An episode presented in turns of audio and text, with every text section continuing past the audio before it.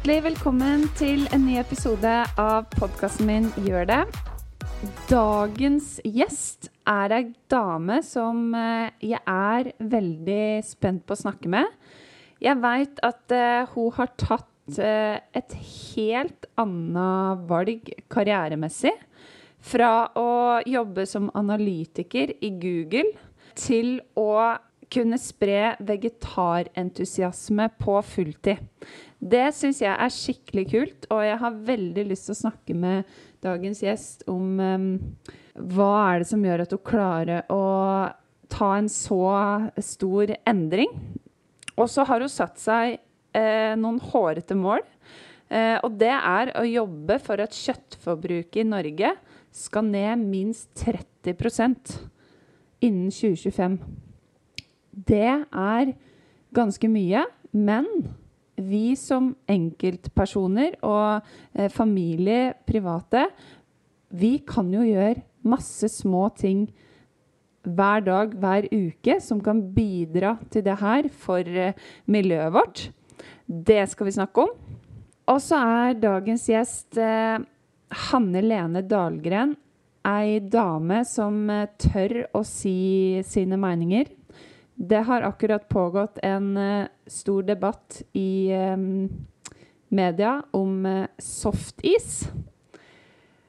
Og det her skal vi snakke litt om. Og vi skal snakke om um, hvordan hun håndtere, har håndtert den situasjonen. Har hun opplevd noe motgang rundt den situasjonen? Og hva kan vi som uh, ikke står midt oppi en softis-debatt og blir ringt ned av media, hva kan vi ta i bruk og lære av den situasjonen? Så uh, jeg gleder meg veldig til denne episoden her. Yes, Velkommen, Hanne Lene. Tusen takk. Veldig hyggelig å ha deg i podkasten min. Hyggelig å være her. Vi eh, skal snakke om eh, mye i dag eh, som jeg gleder meg til. Som jeg tror eh, eh, lytteren kan lære noe av. Sjøl om det du har opplevd og står i og har stått i og alt, det er jo veldig stort. Men eh, jeg tror vi kan få noen gode råd av deg i dag. Jeg skal prøve å levere så godt jeg kan, i hvert fall. ja, og for at uh, lytteren skal bli litt kjent med deg, og kan ikke du fortelle kort om deg og din reise fra jobben du hadde i fram til 2019, mm. Til der du er i dag? Ja. Eh, ja, Fram til 2019 så hadde jeg jobba fire år vel i Google eh, på det norske hovedkontoret der. Og eh, da var jobben min å være analytiker. Og det betyr ganske mange forskjellige ting i det konsernet. For du kan jo både liksom være den som sitter i et mørkt kjellerrom i Silicon Valley og bygger databaser. Men du har også analytikere som er litt mer sånn utadvendte analytikere. Som er ute og forteller om alle de statistikkene man sitter på. Man sitter jo på hele verdens søkedatabase. Hva er det folk egentlig lurer på?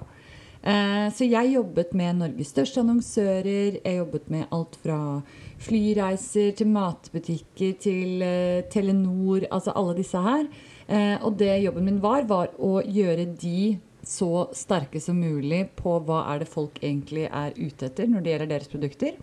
Eh, sånn at de kunne egentlig selge mer greier.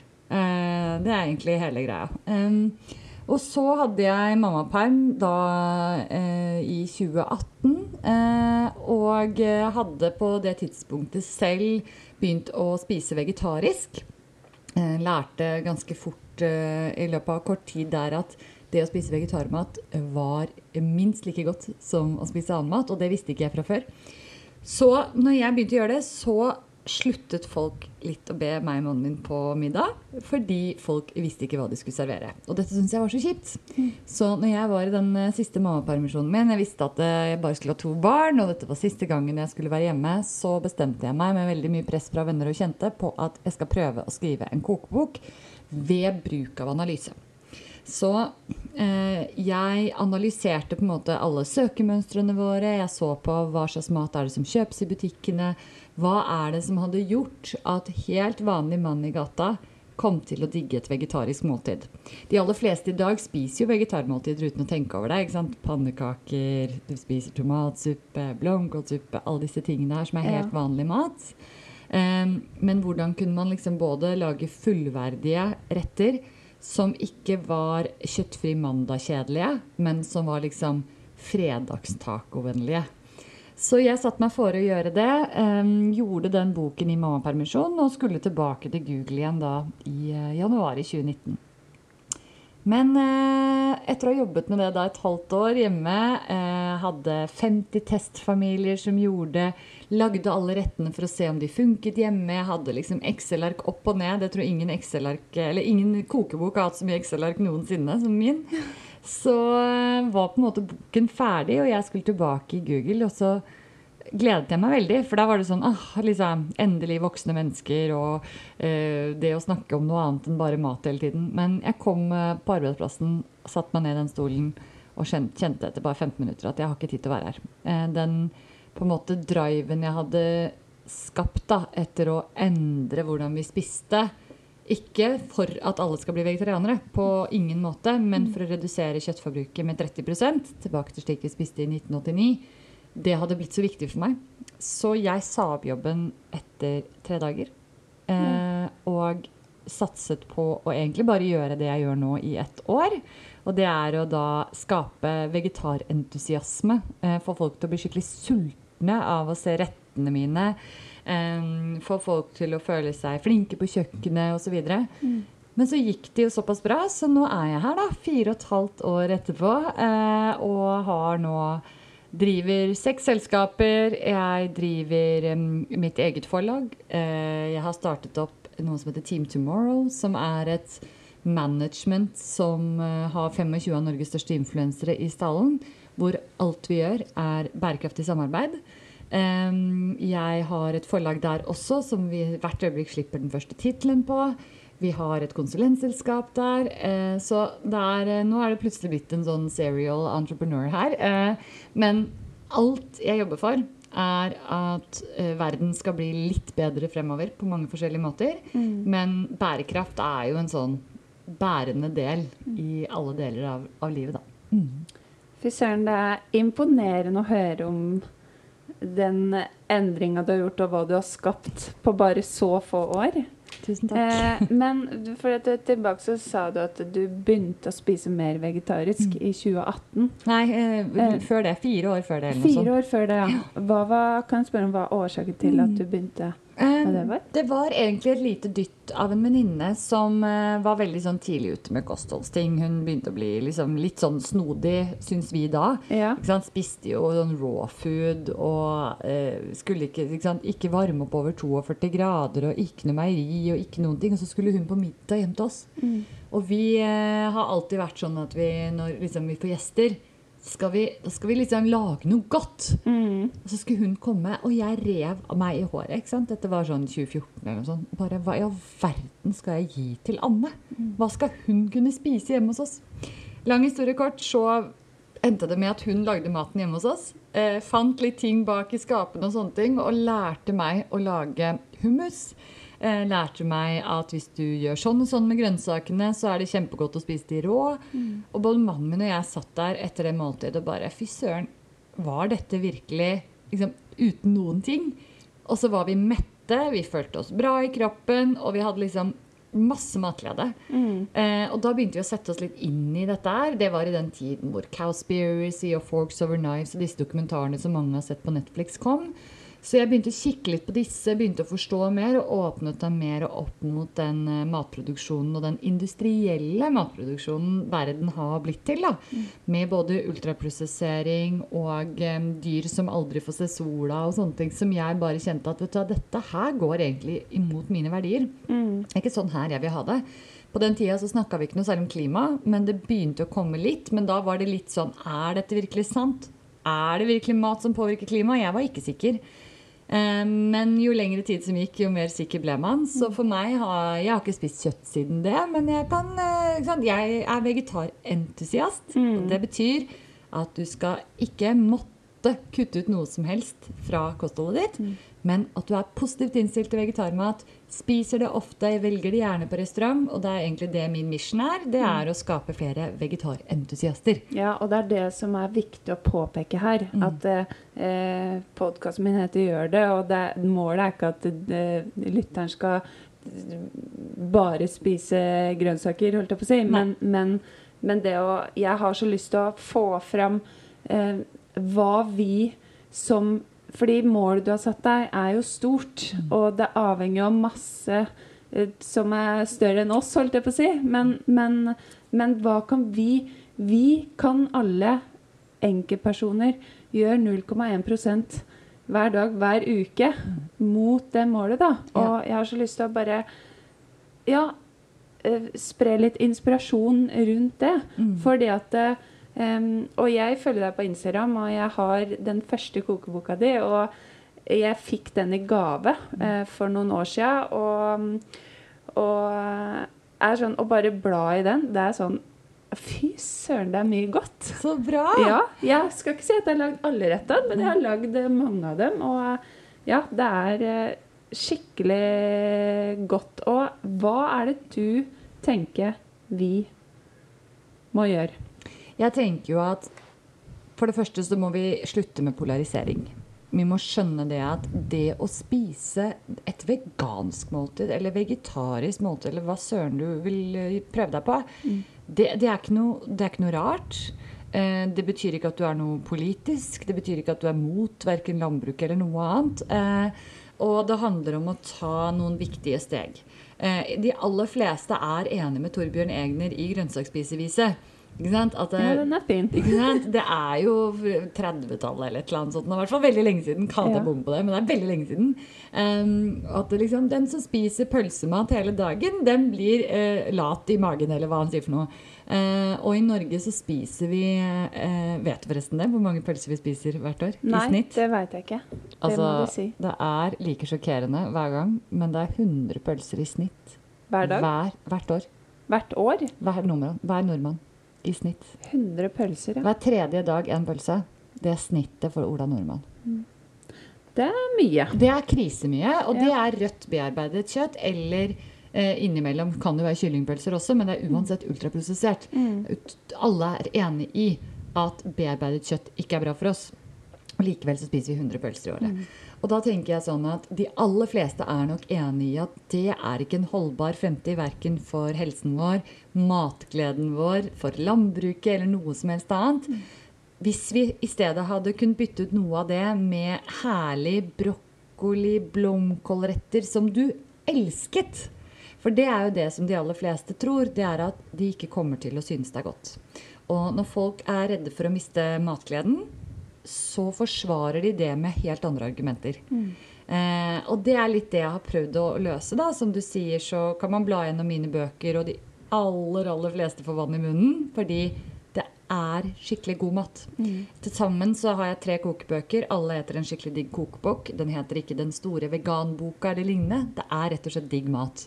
Em, Oppskriftene er utviklet med tanke på at man skal kunne gå på butikken og kjøpe det på nesten hvilken som helst matbutikk.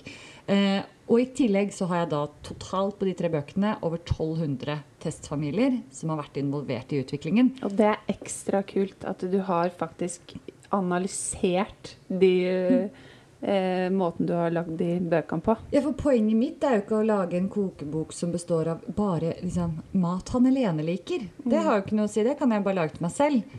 Mitt mål er jo å finne ut hva er det de norske smaksløkene liker av vegetarmat om de bare får prøve. Og da måtte jeg ha de kjøttelskende vennene mine som testfamilier i første boka, og så begynte jeg å spørre på Instagram i andre boka og tredje boka åpenbart.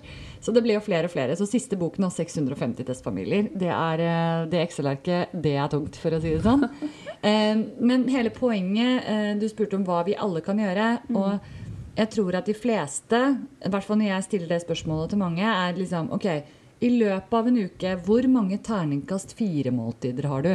De fleste har sånn Oi, det er i hvert fall ett om dagen. Kanskje til og med to om dagen. Liksom, kanskje til og med både frokost og lunsj er litt sånn kjipe måltider hver dag. Eller at man har en del sånne middagsretter som Man kan lage de. De er enkle og greie, men det er ikke en stor matopplevelse. Og da mener jeg at da har vi en gyllen mulighet til å bytte ut de. Ikke bytt ut. Hvis favoritten din er en stor, saftig kjøttburger som du spiser hver lørdag, så behold den, da. Hvis eh, pizzaen din må ha eh, chorizo på, så ikke bytt ut den. Men bytt ut de terningkast fire, eller enda verre, terningkast tre-måltidene som du trykker i deg bare fordi at de er der. Og prøv å finne en måte så du kan spise mer frukt og grønt i de måltidene. Spesielt å få inn grønnsaker og fullkorn. Det kan være så enkelt som at fredagstacoen din, hvis du vanligvis lager den som en helt vanlig norsk eh, fredagstaco med kjøttdeig osv., man må bytte ut halvparten av kjøttdeigen med linser. Bland det sammen med kjøttdeigen. Ha på like mye tacokrydder. Du vil ikke smake forskjell. Eh, riv opp gulrøtter og ha i samme miksen. Så har du plutselig fått i deg én om dagen i tacoretten din. Og det smakte taco, fordi hva er det taco smaker? Jo, det smaker tacokrydder. I hvert fall den norske tacoen. Eh, når du ha, hvis du skal ha litt guacamole, hvordan kan du få den til å bli enda både billigere og kanskje til og med norskere? Jo, du kan mose inn f.eks. Eh, spinat i den, eh, sånn at den blir enda mer ildgrønn. Du kan uh, få inn hvite bønner for at den skal bli enda mer mektig. Så det er så innmari mange ting du kan gjøre, men jeg tror at det handler om å legge vekk disse polariserende måtene vi snakker om mat på, spesielt i disse kostrådstider, eh, og være litt åpen for at alle som kan noe som helst om kostholdsforskning i hele verden, sier at vi spiser for lite frukt og grønt. De nye kostrådene sier mellom fem og åtte om dagen, og i Norge er det én av fem som klarer fem om dagen. 18 bare er det som klarer det. Så se hvor kan du få inn mer frukt og grønt, og gjør det til en mission å få det inn på de terningkast fire-måltidene. Ja, og det der syns jeg var et kjempegodt tips. At det, fordi vi går rett i forsvarsposisjon. Eh, og tenke som du sier, det derre Å, men jeg kan ikke bytte ut eh, fredagstacoen. Jeg kan ikke bytte ut burgeren. Og, og det er så fint at ja, Men kanskje vi kan bytte ut de derre Kanskje vi kan teste ut eh, og se om et annet alternativ er bedre på de ternekast tre-måltidene. Eh, og så har vi jo Jeg har um, I de tidligere episodene så er det ett ord som går igjen, og det er uansett tema, det er nysgjerrighet. Jeg tror eh, Du må si hvis du ikke er enig, men det med at hvis vi kan klare å være litt mer nysgjerrige, vil den endringa her Eller ikke Det trenger ikke å være en endring engang, men eh, testinga, da. Um, Altså, det er så mye matglede der ute som de fleste aldri har opplevd. Eh, og det er jo noe av det gøyeste jeg vet. Det er jo de feedbackene jeg får. Og jeg er jo heldig, for jeg har så mange nå som jeg når ut til. Men jeg får mye positiv feedback. Og det er jo sånn Herregud, jeg visste ikke at jeg kunne være god på å lage mat. Jeg visste ikke engang at jeg syntes det var gøy. For de fleste synes ikke det er gøy å koke spagetti og lage liksom posesuppe. Det er jo bare å varme opp ting. Det er ikke å kreere noe. Og det å forstå det at vet du hva, du kan lage et terningkast seks-måltid som gjør at alle du har på middag, spør etter oppskriften. Og så er det ingen av de ingrediensene som du kanskje vanligvis hadde tenkt på at var så gode. Et godt eksempel det er når jeg skulle utvikle en rett som heter vinnerlasagne. Som eh, jeg hadde I første boken min så hadde jeg laget noen veldig gode lasagner. To stykker. Eh, men der var det den liksom aller beste av de. Det var den med vegetarkjøttdeig oppi. Em, og målet mitt var da for denne vinnerlasagnen at jeg skal lage en som ikke har noe ultraprosessert mat, ikke noe ferdigvarer i det hele tatt, men likevel smaker som en skikkelig kjøttlasagne. Og jeg og mannen min brukte syv forsøk på å klare å liksom naile den der 100% Brukte alt vi kunne om krydder og smak og bolognese og alt mulig. Og så naila vi den. Og det finnes altså ikke et menneske i verden som ikke tror det er kjøtt i den. Fordi den har umami. Den har liksom masse smak. Og alle klarer å lage den. Null problem. Og du kan lage den både vegansk eller vegetarisk. Det spørs om du vil ha vanlig ost eller ikke. Eh, og den er altså så god. Og da blir det liksom da, da kan du bare glemme alle de argumentene dine. Fordi der er det masse frukt og grønt som ikke frukt, da, men masse grønt. Eh, både gulrøtter og stangselleri og alt sånne ting som vokser i Norge. Eh, så kom igjen, da. Bare, bare prøv. Ja, bare prøv. Kan man finne den på nettsida di? Ligger gratis ute. Veldig mange av mine oppskrifter er gratis. Ja. De ligger på vegetarentusiast.no. Og så er det jo sånn at det jeg lever av, er å selge bøker. Eh, Så hvis man liker oppskriftene, så håper jeg at de vil kjøpe de og ha de i bokform også. Men jeg gir bort nesten alt gratis Ja, først. det er helt rått. Eh, Men hva tenker du om holdninger? Holdningene våre rundt eh, Altså, mat er, veldig, mat er veldig kulturelt, ikke sant? Det er en veldig identitet. Og hvis man snakker om å redusere noe som har vært en del av din kultur hele livet Du har kanskje alltid spist kjøttkaker hjemme, du bor kanskje og kjenner noen som er bønder, så føler man eh, veldig fort at eh, dette eh, dette pratet om å, å kutte ut det, det er å si at det er feil. Men det handler jo ikke om det. Det handler om at vi spiser Vi har aldri spist så mye kjøtt som det vi gjør i landet nå. Eh, som jeg nevnte i stad, det er liksom 30 eller 50% økning siden 1989. Så for å komme tilbake dit er det 30 Det er liksom omvendt prosentregning. Em, så holdningene til det med vegetarmat er ganske dårlig, og spesielt ute hos norske restauranter. Og grunnen til det er jo fordi at det er liksom eh, høykvalitet, det å jobbe med dyr. Det å ha de beste stykkene og kunne få det til å bli juicy og godt. Eh, og så har jo ikke kokkelinjene vært, hatt fokus på det med smak, bærekraft, ernæring osv. før. Så det er veldig mange som er veldig ukjent i det. Så derfor så blir det ikke de gode matopplevelsene på veldig mange restauranter. Så hvis du bestiller noe som det står sånn vegetarburger ute, er den stort sett ganske mye dårligere enn kjøttburgeren. Og det stemmer jo egentlig ikke. Fordi at en vegetarburger kan være helt fantastisk. Men da må den ha liksom noe juicy topping. Den må ha alle disse tingene som, som du må tilføre. Det er ikke bare den pattyen og en ost oppå og så agurk og tomat, og så er du ferdig. Nei, du må ha noe annet digg. Eh, og det skulle jeg gjerne fått endra, de holdningene som finnes der ute. Og så må vi huske at vi ikke må kalle ting for vegetar-ne-ne-ne. Ikke sant? Det er sånn typisk da, Hvis du er på sånn konferanse eller noe, så står det et sånn bagettbord. Og så står det eh, eh, kreole kylling, rostbiff med remulade, vegetar. Ja. Hvem ble sulten av det? Ingen! Nei. Og de som har laget det, har ingen insentiver til at jeg skal velge den som er vegetar heller. Så for dem er det bare en slags allergi. Ikke sant? Ja, det er helt eh, riktig. Og det er en veldig dårlig holdning å ha Ja. til digg Altså, kunne ikke jeg fått en sånn en herlig crispy cæsarsalat med sprø kikerter i den bagetten? Og så sto det det. Da hadde mye flere valgt å ta den. Ja, ja. Vi hadde hatt mindre matsvinn ikke sant? enn de der dårlige vegetargreiene hvor du får liksom ost og paprika.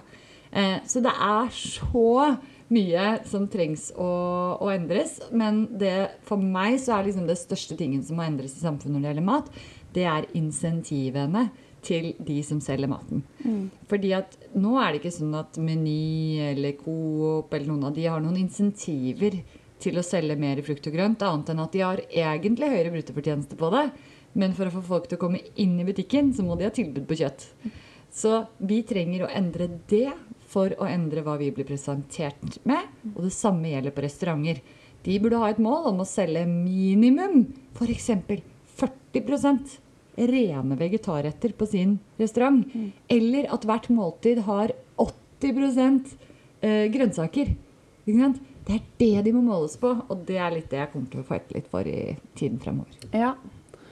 Eh, og morsomt at du sier det. Bare en Jeg har spist vegetarburger én gang ute på restaurant, og det var eh, kanskje i 2013 eller 2014. Og det jeg fikk da, det var et eh, burgerbrød med en portobello-sopp. Og ikke noe mer. Og jeg bare husker den derre alle de, Jeg skulle liksom være litt nysgjerrig da på den vegetarburgeren, og så er det det jeg får. Og jeg husker, nest, jeg husker ikke det var noe salat der engang, men da bare Jeg skal aldri spise vegetarburger. eh, Nå har jo det endra seg litt. Men altså Det er som du sier, at det, det, det må lages litt mer eh, rundt det, da. Jeg var Men- på Frognerseteren en gang, eh, på julebord med Google. Da Ja. var det pinnekjøtt til alle sammen. Alle kom ut med sånn gigafat med pinnekjøtt, og så kom min eh, vegetarrett.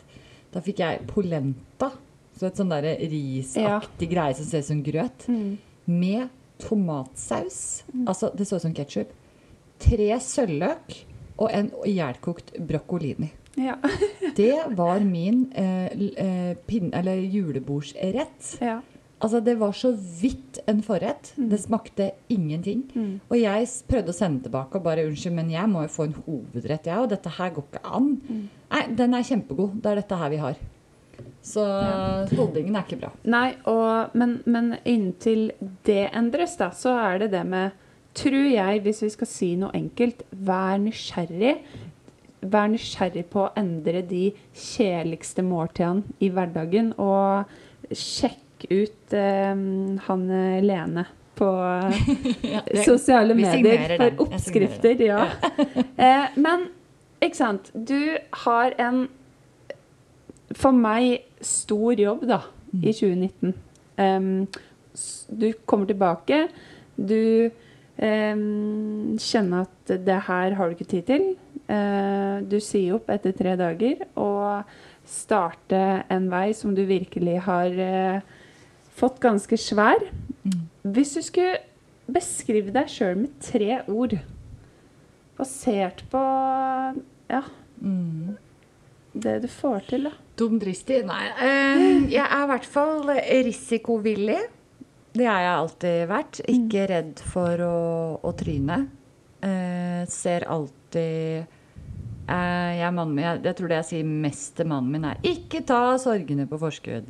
Det gjør jeg aldri, og han er god til å gjøre det. Ja. Eh, fordi det orker ikke jeg. Jeg forholder meg veldig til realitetene her og nå. Eh, og tenker eh, sjelden eh, så veldig langt fram på ting som kan gå gærent. Eh, så det gjør jo at jeg får den risikovilligheten. Eh, så er jeg over snittet løsningsorientert. Eh, og på en måte har et slags problem, problemfokus. Jeg vil alltid være sånn Om jeg er i et rom som vi er i nå, så går hjernen min veldig fort til hvordan kunne dette rommet vært satt opp mer optimalt, eller hvordan kunne disse mikkene vært bedre, eller burde man Vi burde hatt eh, sånne coasters under disse, sånn at ikke de bråker når jeg setter det ned. Jeg er litt sånn med en gang på en slags sånn optimaliseringsmodus. Så Ja. det er vel den analytikeren i meg da, som bare Åh, hva kan bli bedre her? Ja. Liksom. ja. Eh, for noen så blir jo det litt slitsomt, for da blir man en sånn som aldri er fornøyd. Men det er ikke sånn jeg ser på det. Jeg ser på som alltid å kunne forbedre, og Ja, aldri være utvikle. fornøyd med status quo, da. ja. Eh, så det er vel det løsningsorientert og eh, eh, Jeg husker ikke hva det første jeg sa engang var, men Risikovilje. Risikovilje, ja. Skal vi se, hva annet er det jeg er? Eh, jeg er ganske positiv. Ja. Eh, Det henger jo litt sammen med den løsningsorientert-delen, men eh, jeg er nok mer eh, Jeg har en veldig god selvtillit. Jeg tror at jeg kan lære meg alt. Det er jo litt sånn unorsk. Litt breialt å si. Men jeg tror veldig på det der at ja, men grunnen til at ikke jeg kan noe, er bare fordi jeg har ikke øvd. Eh, hvis ikke jeg jeg, jeg kunne sikkert blitt ganske god til å spille gitar, jeg også. Altså sånn, eh, hvert, liksom, helt sikkert, i hvert fall gjennomsnittlig. Det er jo bare å øve. Men jeg er veldig dårlig til å spille gitar nå. For jeg har jo eh, Hva da? Jeg fikk sekser i gitar på ungdomsskolen, og så har jeg ikke spilt siden. Da er jo ikke jeg noe god nå. Eh, og det er litt sånn jeg har holdning, og det var derfor jeg turte å skrive den boken også. For først så var jeg sånn Å, men gud, jeg kan ikke skrive en bok. Jeg er jo ikke kokk, eller jeg er jo ikke forfatter, eller ærlighet. Dette går jo ikke. Det, men jeg kan jo analysere. Jeg er ganske god på å kommunisere. Så så lenge jeg tester dette her på vanlige folk, så bør det jo gå. Eh, og så øvde jeg masse, og så gjorde jeg det. Så, så eh, selvtilliten er ganske høy. Eh, og det er det nok en del som eh, synes er litt sånn irriterende, kanskje. Ja, kanskje at eh, veldig mange ikke har det sjøl. Og jeg syns det er så fint det du sier, at uh, sjøltillit er jo en ferdighet som er trenbar. Og hvis vi gjør noe mye og blir gode, så og opplever mestring, så bygger vi jo den. Og hvis vi ikke gjør mye noe, så blir vi ikke så gode. Og det tror jeg er viktig at eh, vi husker litt på, da. For jeg opplever Jeg har jobba som trener i elleve år, og, og når da en kunde skal gjøre noe nytt, så er det på en måte vi tror at vi skal få det til med en gang. Og det, det er så hardt å melde. Ja. Og da Å gå liksom helt i kjelleren fordi man ikke fikk det til med en gang, det gjør Ja. min femåring, liksom. Ja. At ikke han er like flink som storebror på åtte. mm, Men da snakker vi hele tida om ja, men han har jo øvd i tre år mer enn deg. mm, Nå må du øve. mm, Og så blir du flinkere og flinkere. mm. Og det tror jeg er en veldig viktig greie, for det er veldig mange som er sånn Herregud, du er så flink i debatter, og du er så god på det der og sånn. Men jeg har jo øvd på å debattere dette temaet nå i fire år. Mm. Liksom. Det er ikke så veldig mange argumenter jeg ikke har svart på ti ganger før. Selvfølgelig blir jeg god til å svare på de, da. Mm. Eh, og den holdningen hjelper veldig hver gang du går litt på trynet òg. Fordi da blir det litt sånn Ja, ja, men det der har jeg ikke øvd på. Eller den så jeg ikke helt komme. Ja, ja, ok. Blir jeg bedre neste gang. Ikke sant? Mm. Ja. Ikke tar du liksom, er det sånn at du ikke tar alt så veldig alvorlig? Ja, jeg tar det ikke så alvorlig. Samtidig så vil nok de som kjenner meg aller best, si at jeg også er perfeksjonist. Ja. Eh, men jeg er nok jeg er perfeksjonist i de tingene som jeg vet at ok, her må jeg jobbe hardt for å få det til. Jeg er nødt til å øve masse. jeg er nødt til å, eh, Hvis jeg skal holde et stort foredrag, og sånn, så bruker jeg 90% av tiden på å øve. Ikke på å lage foredraget. Mm. Eh, men om jeg da driter meg ut litt, så går jeg ikke i kjelleren. Ikke sant? Så det er jo en styrke da, som jeg må si at jeg er veldig glad at jeg, at jeg har, og at jeg jobber med å beholde. Mm. Og det Og du, du sier du øver. Mm. Og det å Hvis vi øver, eh, vi er forberedt eh, Og hvis det da ikke går som vi ønsker, så trenger vi ikke å gå i kjelleren, for da har vi i hvert fall gjort så godt vi kan. Ja. Mm. Og kan lære av det. Så mm, Veldig OK, nå må jeg bare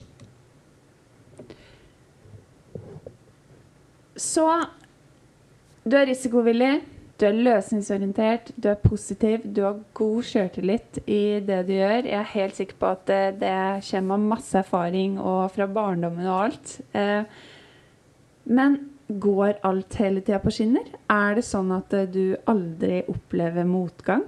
Nei, det, går, det er mye som går eh, som er vanskelig. Um, det er mye som eh, føles litt sånn urettferdig også, eh, fordi man står i en del ting altså, For det første så driver jeg jo mine egne lønninger, ikke sant? Og siden det er så mye av det jeg jobber med som ikke er noen som betaler for Altså, det er ingen som betaler en for å selge mindre kjøtt. Eh, Det er ingen som betaler meg for all eh, brokkolien og tofuen og soyasausen jeg har solgt. Og alle debattene jeg står i, så er det heller ingen som betaler meg for det. Så den økonomiske delen av det er jo ganske vrien. Ikke sant? Å få dette til å gå rundt uten å bare være en reklameplakat for produkter.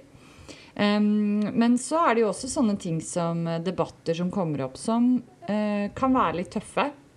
Eh, jeg havnet i en veldig stor debatt nå nettopp som jeg ikke hadde planlagt. Eh, og det var at jeg var ute og syklet med familien. Og for alle som har små barn, så vet jeg at da trenger man en destinasjon for å få de til å sykle litt lenger enn det de egentlig har lyst til. Eh, og vi gjorde som mange andre. Vi skal sykle til et sted som har is, og så skal de få is. Og så gikk vi inn på denne iskiosken som jeg har vært mange ganger før, hvor jeg synes at det er altfor store porsjoner, og sier veldig tydelig fra at jeg vil ha en liten is til denne lille personen her. Eh, ta den minste du kan i beger. Og så får vi et sånt gigamonster av en softis, som det selvfølgelig er veldig gøy å få, men som han spiser jo bare av toppen før han sier at han ikke orker mer. Eh, og så ser jeg søppelbøttene utenfor. De er smekkfulle av softis. Jeg ser at folk kommer ut med liksom topper på disse softisene som er helt umulig for voksne mennesker engang å spise opp. Så jeg går inn og bare OK, men dere, altså Dere, kan, dere må da kunne tilby en barnestørrelse. Hvorfor får vi så mye når vi ber om mye mindre? Eh, men de var ikke så lydhøre. Jeg lang historie kort, jeg la ut litt på Instagram eh, med litt sånn Altså, jeg er så lei av at vi liksom ikke bryr oss om matsvinn. At vi ikke bryr oss om helsesvinnet som oppleves eh, hver eneste gang et barn får en eller annen sånn Bare se for deg disse, hva heter disse sukkerspinnene og sånn, som barn også får. Som er sånn, Det er større enn kroppen deres, liksom. Hvor, hvorfor skal vi ha et samfunn som legger opp til det, når snart 20% av norske barn har fedme? Jeg syns det er helt krise. Så la jeg ut det fort og, gæli på Story, og plutselig så tok det helt av. Da var det i alle norske aviser. Det var fem TV-debatter den uka hvor softis-hateren Hanne Lene var ute og sa at vi ikke skulle spise softis. Og det føltes jo veldig urettferdig, fordi det jeg snakket om, det var barns helse. Jeg snakket om matsvinn, som er et stort problem. Du kan liksom ikke ta med deg en softis hjem og spise den dagen etter. Den smelter. Så du, det blir svinn hvis ikke du spiser opp. Eh, og den, jeg snakket om at jeg dro jo tilbake dagen etter for å veie disse her. da, fordi å vise hva jeg, vite hva jeg snakket om. Og den veide altså 221 gram. Det er eh, altså det er nesten en kvart liter is. På er den helt- minste størrelsen. På det minste. Ja. Det er helt eh, Det er så mye, det. Det Er så mye. Og han veier 21 kilo. Ja. Eh, hans på en måte sukkerinntak maksgrense har han da spist to og en halv dag av. For, ved å spise den ene isen. Det er ikke rart han ikke klarte å fullføre det. Og problemet er jo også at under, eh, under 10% av norske fireåringer klarer å spise nok frukt og grønt. Eh, og det er jo ikke så rart når vi fyller magen deres med så mye, både is og boller, og det er tre for to overalt, og skal du på kino og kjøper sånn der eh, popkorn, så er altså det, det, det er så stort at det, du må jo dele. Og det, kan jo liksom, det er hyggelig, det. Del nå gjerne. Men kan jeg få kjøpe en passe størrelse også hvis jeg vil? Det var jo min, min, eh, mitt poeng.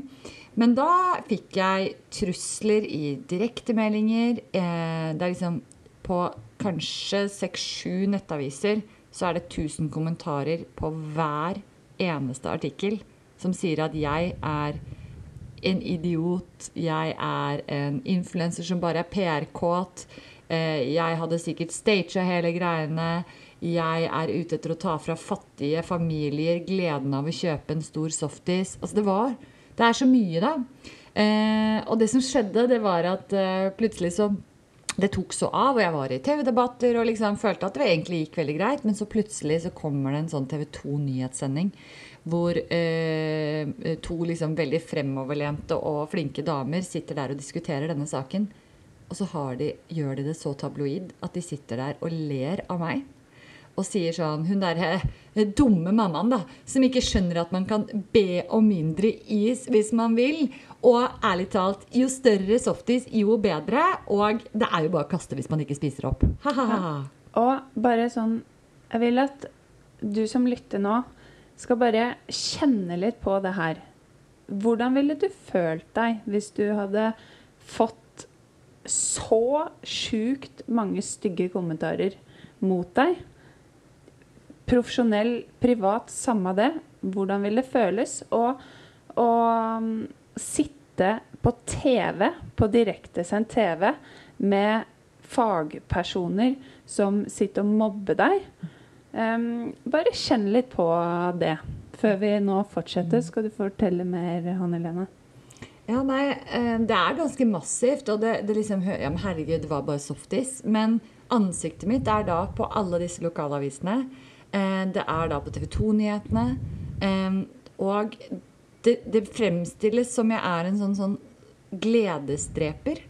Og når jeg da går, når jeg går på butikken dagen etter, når jeg skal hente i barnehagen, så vet jeg at det er massevis av de folkene jeg møter, som har sett det den dagen, og som synes at jeg er kjempeteit. Fordi at mediene ikke har tatt for seg den saken det det egentlig handlet om. De har bare gjort meg til en sånn ishater. De tar med seg landbruksministeren ut og spiser is. ikke sant? Og det er bare sånn Ja, Sandra Borch synes at vi skal kose oss med softisen vår i sommer, og så klapper alle i sosiale medier. Å, det er så bra! Eh, hun er dystete influenseren. Eh, Og det ble et så massivt medietrykk. Eh, og som jeg fortalte deg i, i den prep-samtalen til dette her, så endte jeg faktisk opp for en gangs skyld med å gå litt i kjelleren et par dager. Jeg kjente at det var så urettferdig at de la hele saken og matsvinnproblematikken, fedmeproblematikken og alt det der, det la de bak betalingsmur. Mens de hauset det fram med veldig tabloide overskrifter på Facebook som gjorde at folk ikke fikk med seg saken, men det så ut som at jeg bare hatet softis og skulle, ta, skulle lage en lov mot størrelse på softis i Norge, sto det til og med. Ja. Så jeg kjente på Plutselig så bare rakna det litt for meg. Begynte jeg å gråte og kjente at dette her var Det var ikke noe gøy. Det var liksom, du, Dette ba jeg ikke om. Eh, Jeg synes det er urettferdig behandla. Men som jeg også fortalte, så eh, lærte jeg også, da, ikke så lenge etterpå, at eh, syklusen til oss kvinner har veldig mye å si for hvordan vi tar sånn motgang. Ja. Og jeg tar motgang veldig bra. Jeg tåler å stå i ganske tøffe ting. Jeg har blitt kalt det meste mellom himmel og jord, og det går stort sett alltid bra. Men det var siste uka før mensen. Ja. Og da har jeg lært nå at da er det Jeg kan ikke navnet på hvilke hormoner som er høyt og lavt disse ukene, men den siste uka før mensen, det er den hvor vi er mest skjøre. Da sier kroppen et eller annet ifra at nå skal du passe deg litt for sånne dumme folk rundt deg. Du skal liksom Pakk deg litt inn under et teppe nå. Vær litt for deg selv, og vær sammen med folk som er glad i deg. Og det var den uka hvor jeg var liksom absolutt på alle nyhetssider hver dag. Med trynet mitt. Liksom uten svinke på sykkeltur og sykkelhjem med barna. Eh, heldigvis var ikke barna avbildet. Og en halvspist softis. Det bildet var over hele landet, og jeg fikk tusenvis av hatkommentarer. Jeg tror ikke jeg hadde reagert på samme måte som jeg gjorde da hvis, jeg hadde, hvis det samme hadde skjedd denne uken. Nei. Eh, men da gjorde jeg det. Og det syns jeg er så fascinerende, fordi jeg er oppegående, sterk kvinne på 38 år som ikke vet det, at den syklusen kan påvirke oss så utrolig mye. Og nå er jeg blitt kjempebevisst på det i ettertid og følger litt med. Og jeg ser jo hvordan energinivået er forskjellig. Så veldig interessant. Og du som jobber mye med trening, vet jeg også har opplevd mye av det. At du er liksom sterkere de to første ukene i syklusen. Da er det liksom Om det er mer testosteron, kanskje. Jeg vet ikke hva det er greia. Men veldig interessant. Ja, og det der tenker jeg nesten podkastepisode i seg sjøl, men Ja. bare det å ta hensyn til den syklusen og veldig Det er jo, viser jo bare hvor heftig det kan være. Mm. Sjøl om Det ville jo ikke vært rart om du kjente på det du kjente og begynte å grine uansett om det var uka før mensen, men, men eh, Men det var ikke helt vanlig for meg. da. Nei, ikke sant? Det er Ja. ikke vanlig for deg. Og, og da, når, kropp, når, du tar, når hormoner tar så overhånd, da Ja. Bare sånn lite tips der kan være for jenter å, å mm, kartlegge litt syklus og bare lære å være litt raus med seg sjøl i enkelte perioder. Ja, og det er litt sånn Hvis du ser på Hvis du har en samboer som er mann, da, mm. så våkner altså det mennesket opp hver eneste dag med den samme dagen foran seg i forhold til hormoner. Det er ikke ulike dager for menn med hormoner. Men vi kvinner, vi har 28 hvis du har en helt vanlig syklus. Ulike dager med forskjellige hormonelle ting som skjer i kroppen. Eh, og det er en styrke på veldig mange måter. Men det er jo ikke rart at vi heller eh, At det ikke er så lett å håndtere. Fordi du er altså så forskjellig fra dag til dag med hva du kan takle, hvor eh, liksom, raskt du henter deg inn, hvordan du tar en kommentar, eh, hvordan du snakker til andre mennesker. Det er liksom noen drivkrefter der som vi ikke kjenner så godt. Da. Og det syns jeg er ganske interessant, egentlig. Mm, det er veldig interessant. Men um, så raushet mot seg sjøl der. Men du sier at du takler motgang skikkelig bra. Hva er det, hva er det du gjør, eller som uh, gjør at du gjør det? Jeg tror det bunner i den der selvtilliten, og så bunner det i at jeg har eh, Jeg har jo et mål som jeg tror veldig på. Mm. Det å redusere kjøttforbruket på det ned mot eh, slik vi spiste på 80-tallet, det, det er viktig for meg. Og jeg vet alle argumentene for og imot, og jeg er fremdeles liksom enig i at det er riktig vei. Eh, og så har jeg en slags leveregel som Eller er en leveregel som jeg lever etter, og det er å være mitt eget forbilde. Så det betyr at når jeg står i et eller annet veiskille og skal jeg velge å gjøre det eller det, så prøver jeg alltid å tenke hva vil en person jeg så opp til, velge å gjøre her? Fordi hvis man bare tenker sånn hva har jeg lyst til å gjøre, eller hva er det som gir meg mest kudos, eller liksom der, Da blir det veldig en sånn egoistisk eh, valg som ikke du egentlig blir så stolt av. Men hvis du klarer å sette deg litt utenfor kroppen din og tenke Hvis du hadde sett opp til deg selv, da hva hadde det mennesket valgt å gjøre nå? Hva er det liksom the greater good her? Og det styrer meg veldig enkelt hver eneste gang mm. til å velge noe som jeg står ordentlig i. Og hvis jeg da får motgang, så har jeg jo jeg har gjort et bevisst valg. Mm. Jeg har valgt å gå den veien der, og jeg vet at ja, det kommer til å bli tøft, men jeg er sikker på at det er denne veien å gå. Eh, og så har jeg mye øvelse i det, da. fordi det å snakke om reduksjon av kjøttforbruk i et land som Norge, det, det, gjør du ikke uten motstand. Så jeg har øvd i noen år nå. Ja, og, men det er så viktig Du sier bevissthet, og det For å gjøre det riktige og viktige, så mener jeg at det, Og det går igjen, at det, vi må være bevisste. Vi må være bevisste på målet vårt. Vi må være bevisste på verdiene våre. Mm. Altså hvem vil du være når du tar Hvordan baserer du valgene dine? Mm. Og det er kult å høre at du òg er så bevisst, og det må du være. Og så bare Motgang, det kommer. Ja, og hvis du ikke Altså, hvis det jeg gjorde, ikke var viktig, mm. eh, så hadde det ikke vært noen motgang. Fordi hvis du skal skape endring i et samfunn, mm. så er det, det er jo en grunn til at ingen har gjort det før. Så det er en grunn til at ingen har klart å bygge et stor bevegelse innenfor det å spise mer planterikt i Norge. Det er fordi det er dritvanskelig. Så hvis du tror at du skal få til noe stort uten motgang, da har du misforstått liksom vektbalansen mm. i samfunnet. Ja. Eh, så jeg må ha motstand for å klare å pushe fremover. Jeg kommer til å bli kalt ting jeg er uenig i. Jeg kommer til å bli fremstilt på en måte jeg ikke er enig i at jeg er. Eh, og det kommer til å være tøffe tider. Men jeg viser i hvert fall barna mine og meg selv at jeg vet hva jeg vil. Jeg vet hvorfor jeg står for noe. Og så er jeg alltid nysgjerrig på andres perspektiver og graver meg ned i hvorfor mener du det er så viktig med f.eks. utmarksbeite eller kulturlandskap eller selvforsyning. Fordi jeg vil virkelig forstå om er det noen aspekter her jeg ikke har satt meg ordentlig inn i. Er det noe jeg har misforstått? Eh, er det et sted jeg kan moderere meg? Som gjør at det er ikke et nederlag for meg å lære noe nytt. Og jeg tror En, en setning som jeg har med meg fra, fra barndommen Jeg hadde en venninne som når vi var sånn 15-16 år, var ganske litt sånn politisk um, oppegående i forhold til det jeg vil si at jeg var. Og hun sa en gang noe som liksom brente seg inn, og det var at den som vinner en diskusjon, det er den som endret mening. Ja. For da har du jo gått inn i den diskusjonen og lært noe.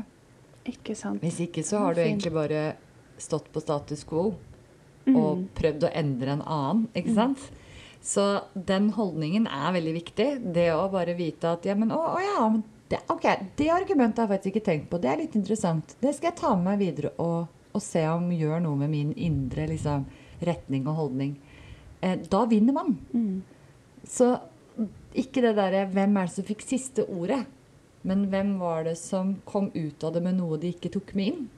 Det tror jeg er et veldig viktig perspektiv. Ja, det var veldig, veldig fint. Um, og så hører jo det, det, hører jo det når du snakker, og du er jo en fagperson. Du har enormt mye kunnskap. Du sprer ikke bare vegetarentusiasme fordi du ble eh, vegetarianer for mange år siden. Du, du, du kan forskning, og det er så viktig oppi det her å huske på òg. Um, og så har jeg lyst til at du nå skal gi, avslutningsvis, mm. et uh, gjør det-råd til lytteren.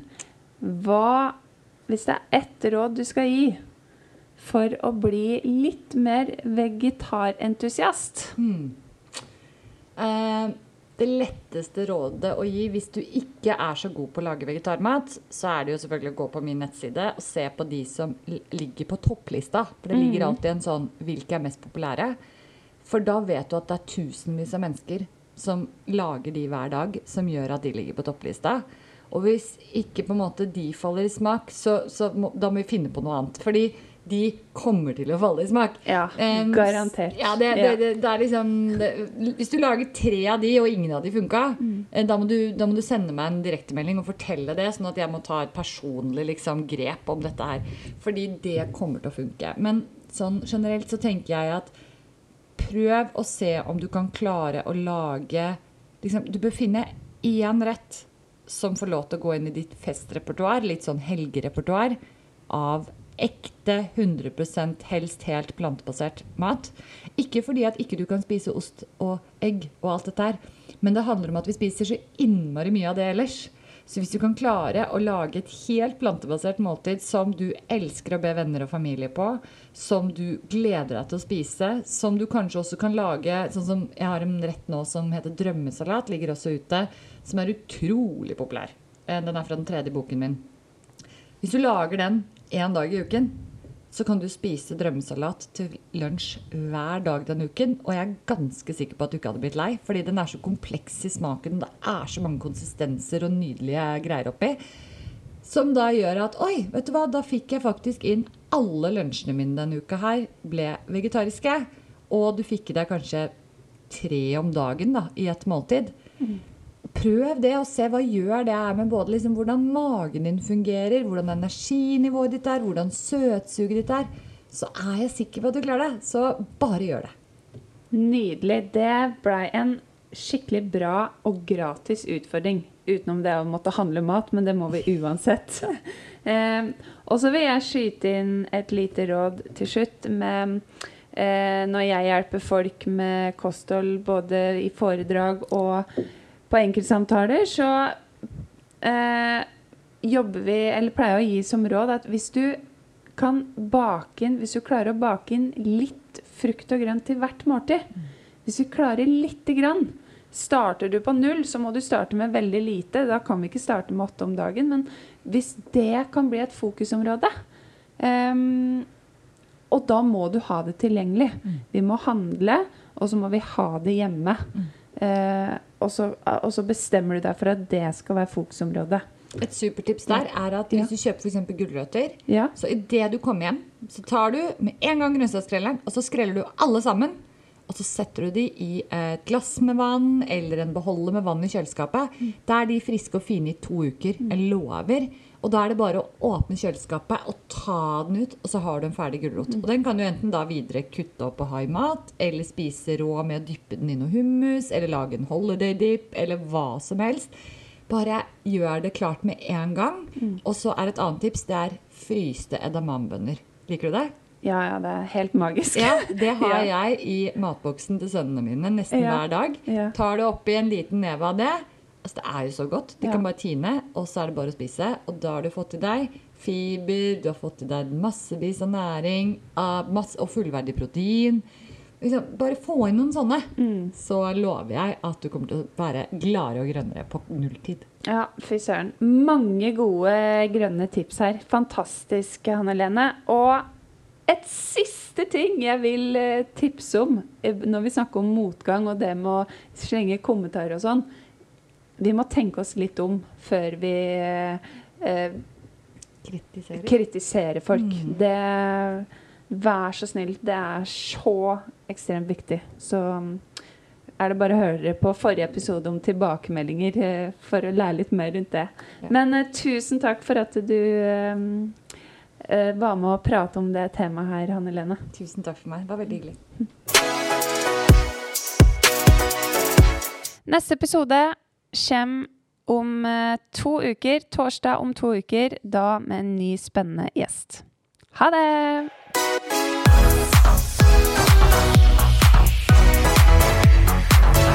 Denne podkasten er produsert av meg, Barbro Sæta, og Daniel Kragseth fra Adler.